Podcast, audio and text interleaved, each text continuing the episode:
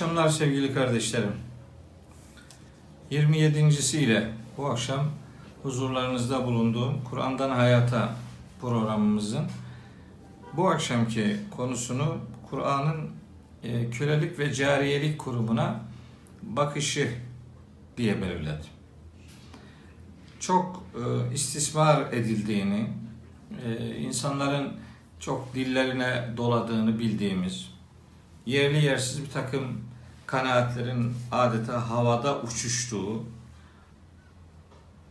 istismara açık olması nedeniyle de doğru bilgiden yoksunluk bizi Kur'an hakkında anlaşılmaz son derece sıkıntılı bir takım pozisyonlara düşürebilmektedir.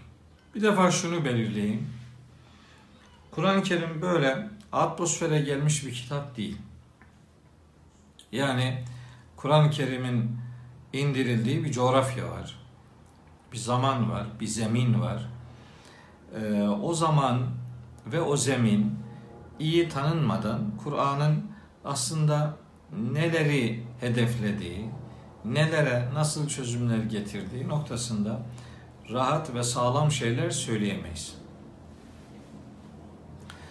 Kur'an-ı Kerim'in indirildiği zaman miladi 610 ve 632'li yıllar o arada indirildi ve indirildiği coğrafya 12 yıllık peygamberlik süresi itibariyle Mekke, 10 yıllık süre itibariyle de Medine. Yani Suudi Arabistan Yarımadası'nda iki şehre dair bir e, risalet tecrübesi biliyoruz. Burada o dönemin insanlığının bir defa insana bakışını, insanlığın o gün itibariyle hangi tecrübelerle yaşadığını e, tarih kitaplarından iyiden iyiye öğrenmek durumundayız. Ben şahsen daha da eskilere giderek yani bütün insanlık tarihiyle alakalı malumatı Kur'an-ı Kerim'in ana hatlarıyla bize öğrettiğine inanan bir kardeşiniz. O itibarla Kur'an kölelik ve cariyelik meselesi konuşulduğunda indirildiği dönemin Mekke'sine ve Medine'sine ve o Mekke Medine'nin daha eskilerden beslendiği diğer insanlık tarihine dair tecrübelere vakıf olarak Kur'an-ı Kerim'in de böyle bir konuyu önünde bulduğunu, toplumun böyle bir kuruma sahip olduğunu ve ömrü kölelikle ya da cariyelikle geçmiş insanların o toplumda e, belli bir yer işgal ettiğini söylemek durumundayız. Ben Kur'an talebesi olarak Kur'an'a göre bir Adem'in bir aleme bedel olduğuna inananlardan. Bir alem, bir Adem. Bir Adem, bir alem. Yani Allahu Teala'nın en önemli kitaplarından biri insandır ve her bir insan Allahu Teala'nın şaheseridir. Kitabıdır, ayetidir. Öyle olunca bir tek insan bile mağdur olacaksa Kur'an'ın o derde, o probleme parmak basması, ona dair bir çözüm üretmesi beklenir ve nihayetinde esasında Kur'an-ı Kerim'in öyle bir e, yapısının bulunduğunu biliyoruz. Şimdi değil bir tane insan, pek çok insanın kölelik ve cariyelikten muzdarip olduğunu, bir taraftan muzdarip olanların bulunduğunu, bir taraftan da buna alışanların olduğunu biliyoruz. Yani ömrü kölelikle, cariyelikle geçmiş bir insanı bir anda o durumdan alıp koparmanız bazen ona iyilik olmayabilir. Hayat onu savurur, dikiş tutturamaz, sağlam bir duruşun sahibi olamaz. Böylece iyilik yapalım derken kişiyi savrulmuş bir e, psikolojiyle e, başka taraflara iterek ona mağdur etmek gibi bir durum söz konusu olabilir. Oradan bakıldığında kölelik ve cariyeliğin bir anda kaldırılabilecek bir kurum değil de zaman içerisinde zamana yayılarak kaldırılmasının hedeflendiğini e, rahatlıkla söyleyebiliriz ve bunun Kur'an-ı Kerim'den de böyle bir yol takip edilerek sona erdirilmesi arzu edilen bir kurum olduğunu görmekteyiz. Nedir peki? Şimdi Kur'an'ın bunlara bakışı nedir? Şimdi adam eline bir Kur'an meali alıyor. O mealin tercümesine sığınarak ya da o mealde ortaya konulan bilgilerin Kur'an'ın ilgili meselede söylediklerini içerdiğini varsayarak parçaya bakarak bütünü tanımlayan bir tutum içerisine girildiğini biliyoruz. Bu yanlış bir okumadır. Yani Kur'an'ın bir konuya bakışını öğrenmek istiyorsanız Kur'an'ın her konuya dair neler söylediğini bilmelisiniz. Kölelik ve cariyelikle ilgili bir şey mi söyleyeceksiniz Kur'an'dan? Heh. O zaman Kur'an'ın önce hayata dair ne söylediğini bileceksiniz. Sonra insana dair ne söylediğini bileceksiniz. Bunları bilmeden, Kur'an ve insan ilişkisini çözmeden, o konuya dair Kur'an'daki sunumların nelerden oluştuğunu böyle özümsemeden, kölelik ve cariyeliğin de e, nasıl ele alındığını kolayına çözümleme imkanımız olmayabilir. O itibarla ben Kur'an'da kölelik ve cariyelikle ilgili ayetler var diye Kur'an-ı Kerim kölelik ve cariyeliğe sıcak bakıyor ya da bu kitabın kölelik ve cariyelikle ilgili insani bir e, hümanist bir düşüncesi zaten yok. Dolayısıyla bu kitap modası geçmiş bir kitaptır. Çağa hitap, hitap edecek herhangi bir yapısı filan yoktur gibi haksız değerlendirmelerden kaçınılmasını özellikle ve özenle belirtmek istiyorum. Kur'an-ı Kerim kölelik ve cariyelik konusunu ele almıştır. Dediğim gibi bunu bir anda bitirmemiş. Mesela Mekke döneminde de faizle ilgili bir yasak getirmemiş. Medine'de bunun yasağını dile getirmiş. Ee, kurumsal anlamda yasaklamalar daha çok toplumsal bir e, yapı arz eden e, coğrafyalarda ele alınır. Şimdi ne dedi Kur'an-ı Kerim bakalım. Ben bir dokuz maddelik bir sunumunun olduğunu söylüyor Kur'an-ı Kerim. Dokuz maddeli bu konuyu ele alıyor. Dokuz madde bize Kur'an kölelik ve cariyelik meselesini e, nasıl görmek durumunda olduğumuzu öğretiyor. Bir, Kur'an-ı Kerim indirildiği dönemde bazen savaşlar esir alınsın, köle cariye alınsın diye yapılırdı.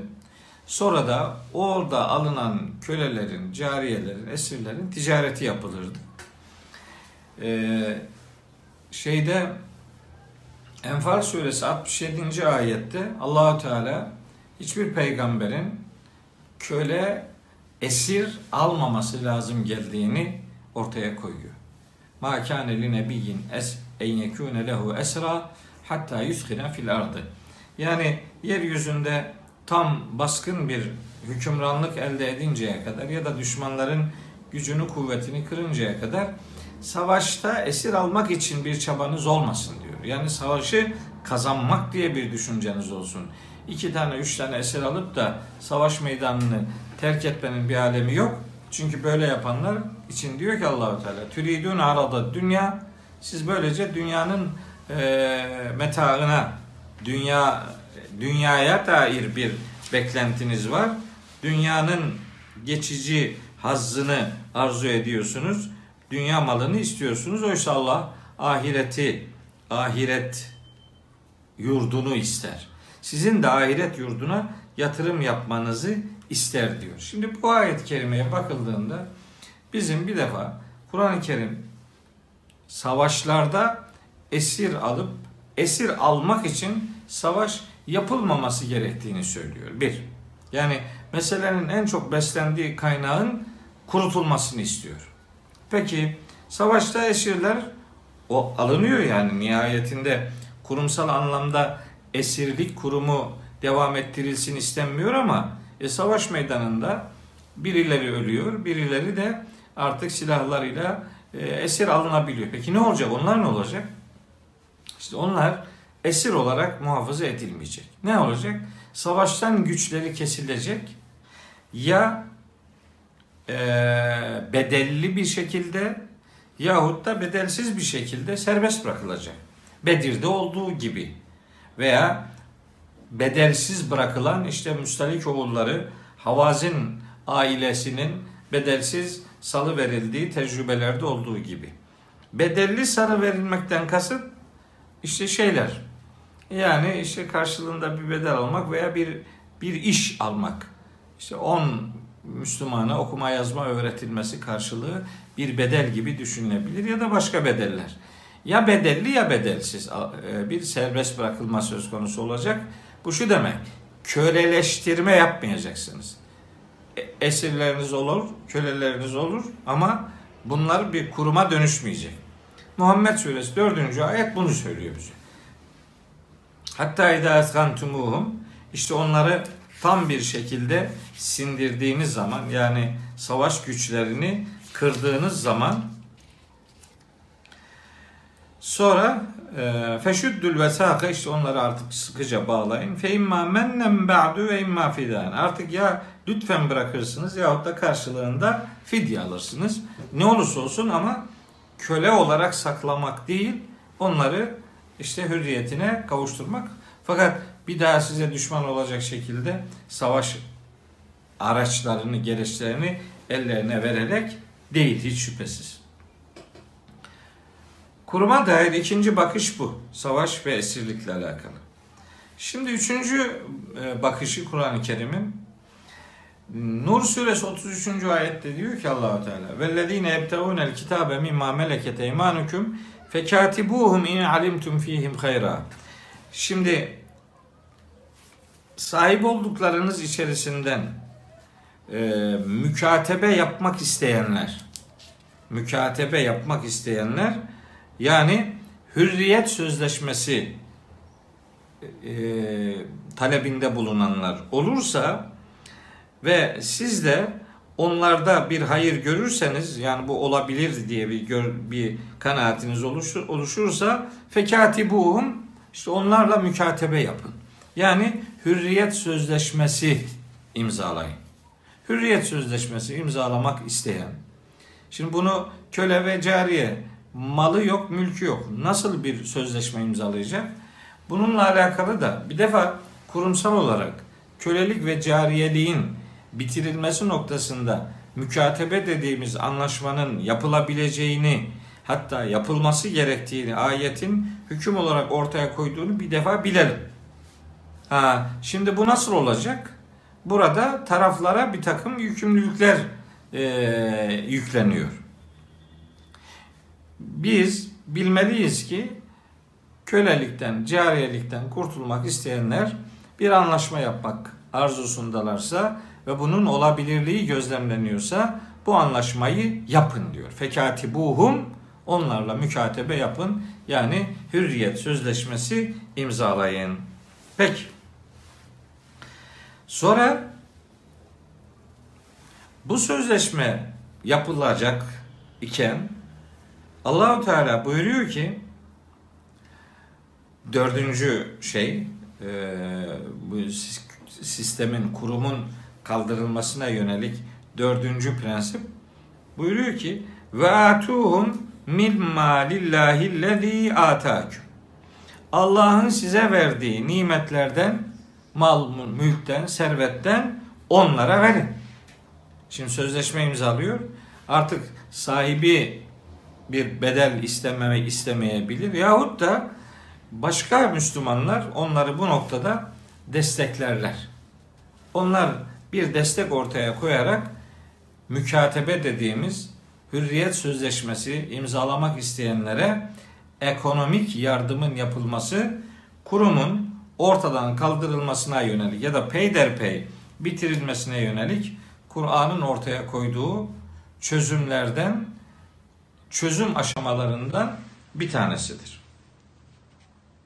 Sonra bir başka mesele beşinci olarak e, Kur'an-ı Kerim onların mükatebe dediğimiz hürriyet sözleşmesi imzalayarak serbest bırakılmalarını toplumsal bir görev olarak ortaya koymasının yanında bir başka çözümü de mesela eğer eğer birden çok eşlilik düşünülecekse birileri eğer öyle bir durum varsa yapılması gereken işte onlardan birini alarak onların hür olmasını sağlamaktır. Yani bir cariye ile bir e, hür kişi evlendiği zaman o cariye artık cariye olarak evliliğini sürdürmez. O hürriyetine kavuşmuş olur. Onlardan biriyle evlenilerek bu kurumun sona erdirilmesinin yolu açılıyor demektir. Nisa suresi 4. ayette, Azap suresi 50. ayette, hatta işte Nur suresinin 31. ayetinde de buna dair işaretlerin bulunduğunu bu vesileyle söylemiş olayım. Sonra başka bir e, şey, kurumu sona erdirici tedbir. Bu Nur suresinin 32. ayetinde Allahu Teala diyor ki içinizden bekarları evlendirin, durumu müsait olan köle ve cariyeleri de evlendirin. Şimdi onların başkalarıyla evlendirilmesi gerekiyor. Nur suresi 32. ayet. Ve salihine durumu müsait olanlar min ibadiküm kölelerinizden ve imaiküm ve cariyelerinizden. Durumu evlenmeye durumu müsait olanlar varsa onları evlendirin. İn yekûnû fukara eğer fakir iseler yugnihimullahu min fadli Allah onları kendi ihsanından, nimet kaynağından zenginleştirecektir diye meseleyi e, bir çıkış yoluna götürsün diye Müslümanların önüne böyle bir yol daha açıyor. Nur suresi 32. ayet. Peygamberimizden nispet edilen e, Buhari'de yer alan çok güzel bir hadis-i şerif var. O hadise göre bir erkek buyuruyor Peygamberimiz aleyhisselam bir erkek cariyesini eğitir, öğretiminden geçirir ve onunla evlenmek üzere azat ederse iki ecir alır. Bu iki ecir öyle az bir şey değil. Çünkü başka dinlerden İslam'a gelip tabi olanlara da Allahu Teala böyle hem Kasas suresinde hem Hadid suresinde ödülünü iki kat vereceğini söylüyor ki bu muhteşem bir iyiliktir. Harika bir e, duyarlılıktır. Bunu bakın hem peygamberimizin bir defa peygamberimizin kölesi ve cariyesi köleler ve cariyeler noktasında böyle bir kendi ailesinin içerisinde böyle bir kurumu yoktur. Cariyesi olan bir hanımla evlenmiş, onu hürriyetine kavuşturmuş. Kendisine köle olarak verilen e, Hazreti Zeyd'i de azat ederek onu evlatlık edinmiştir. Dolayısıyla kendi hayatında da böyle bir örneklik söz konusu değildir. Şey e, başka bir husus bu sistemin sona erdirilmesi noktasında Allahu Teala buyuruyor ki herhalde yedincisi e, buyuruyor ki bazı kefaret ödenekleri var. Kefaret. Mesela yemin kefareti. Maide suresi 89. ayette geçer. Mesela hata, hata insan öldürme kefareti. Nisa suresi 92. ayette geçer. Mesela Mücadele suresinin başında geçer zihar kefareti. Bu kefaretlerde e, seçeneklerden biri veya birincisi köle azat etmek olarak belirlenmiş. Niye böyle? Çünkü kurumun bitmesi isteniyor. Bir insanın hürriyetine kavuşturulması arzu ediliyor. Bir süreç halinde bir alıştırma, bir kaynaştırma, meseleyi kavratma noktasında bir duyarlılığın üretilmesi, oluşturulması arzu ediliyor. Dediğim gibi kefaret ödenekleri bağlamında yemin kefaretinde seçeneklerden biri, insan öldürme kefaretinde aynı şekilde, bu Nisa 92'de, önce söylediğim Maide 89'da ve zihar denen bir ahlaksızlık vardı. Onun da kefareti Mücadele Suresinin 4. ayetinde köle azadı olarak belirleniyor. Bu da sistemi bitirmeye yönelik Kur'an'ın ortaya koyduğu, e, önerdiği hususlar arasında yer alır. E, bir başka hususiyet 8. madde olarak söyleyeyim. köleler ve cariyeler Müslümanın infakının bir parçası olarak kabul edilmelidir. Yani kime infak edilecek? Onların yer aldığı, sayıldığı ayet-i kerimelerde bu hususa değiniliyor. Zevil kurba vel yetama vel mesakine ve ibnes sebili ve sailine ve fir rikabi diyor. İşte bakın Bakara suresi 177. ayeti de. İnfakınız köleler ve cariyeler üzerinden şekillensin. Yani onları gözetin, onlara elden gelen imkanı, yardımı yapın. Ve yut'imûne ta'ame ala hubbihi miskinen ve yetimen ve esira. İşte esirlere malınızın en kıymetlisinden Allah rızası için seve seve verin diye İnsan suresinin 8. ayetinde bize bildirilmiş bir hususiyet var. Hani meseleyi infak diye düşününce şanlık böyle sanki adresi veya sınırları belli değilmiş gibi görülebilir. Halbuki yine e, böyle bir ekonomik yardımlaşma kalemi bağlamında düşünülebilecek dokuzuncu e, şey e, kurumsal müdahale kendilerine zekat verilecek insanların sayıldığı e, Tevbe suresi 60. ayette kölelikten kurtulmak isteyenler de o 8 grubun arasında sayılır. İnnemâ sadakâtü lil fukarâi vel mesâkîni vel âmilîne aleyhâ vel müellefeti kulûbuhum ve fir rikâbi. İşte rikab işte bir boynun e, hürriyetine kavuşturulması anlamında kölelik kurumunun bitirilmesini hedefliyor. Onlara daha bol, daha hatırı sayılır bir zekat verilerek, infakta bulunarak böyle bir kurum sona erdirilebilir. Bunu e, beyan edeyim. Nihayet 10. madde Kur'an-ı Kerim Beled suresinde bir e, sarp yokuştan söz eder. El akabe kelimesini kullanır. Nankör insanın bu sarp yokuşu tırmanmayı tercih etmediğinden söz edilir. Bu noktada yani o sarp yokuş denen şey nedir diye peygamberimize soruyor Allahu Teala ve bunu Allah'ın vahyi olmadan, Allah'ın bildirmesi gerçekleşmeden bunun bilinemeyeceğini de söylüyor. Felaktahamel akabete ve ma adrake mel akabe Akabe'nin ne olduğunu sana bildiren nedir ki? İşte 11-12. ayetleri Beled suresinin fekkü rakabetin. İşte bir rakabeyi, bir boynu e, şeyinden e, esaretinden söküp kurtarmak. Bir insan bir köleyi veya bir cariyeyi hürriyetine kavuşturarak onun boynunu boyunduruklardan kurtarması demek.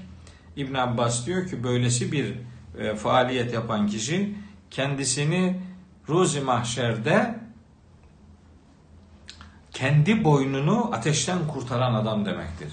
Birinin e, hürriyetini ona vermek, birinin boynunun hürriyete kavuşturulmasını sağlamak kişinin kendi boynunu ateşten kurtarması manasında çok önemli bir hedef olarak e, belirlenir.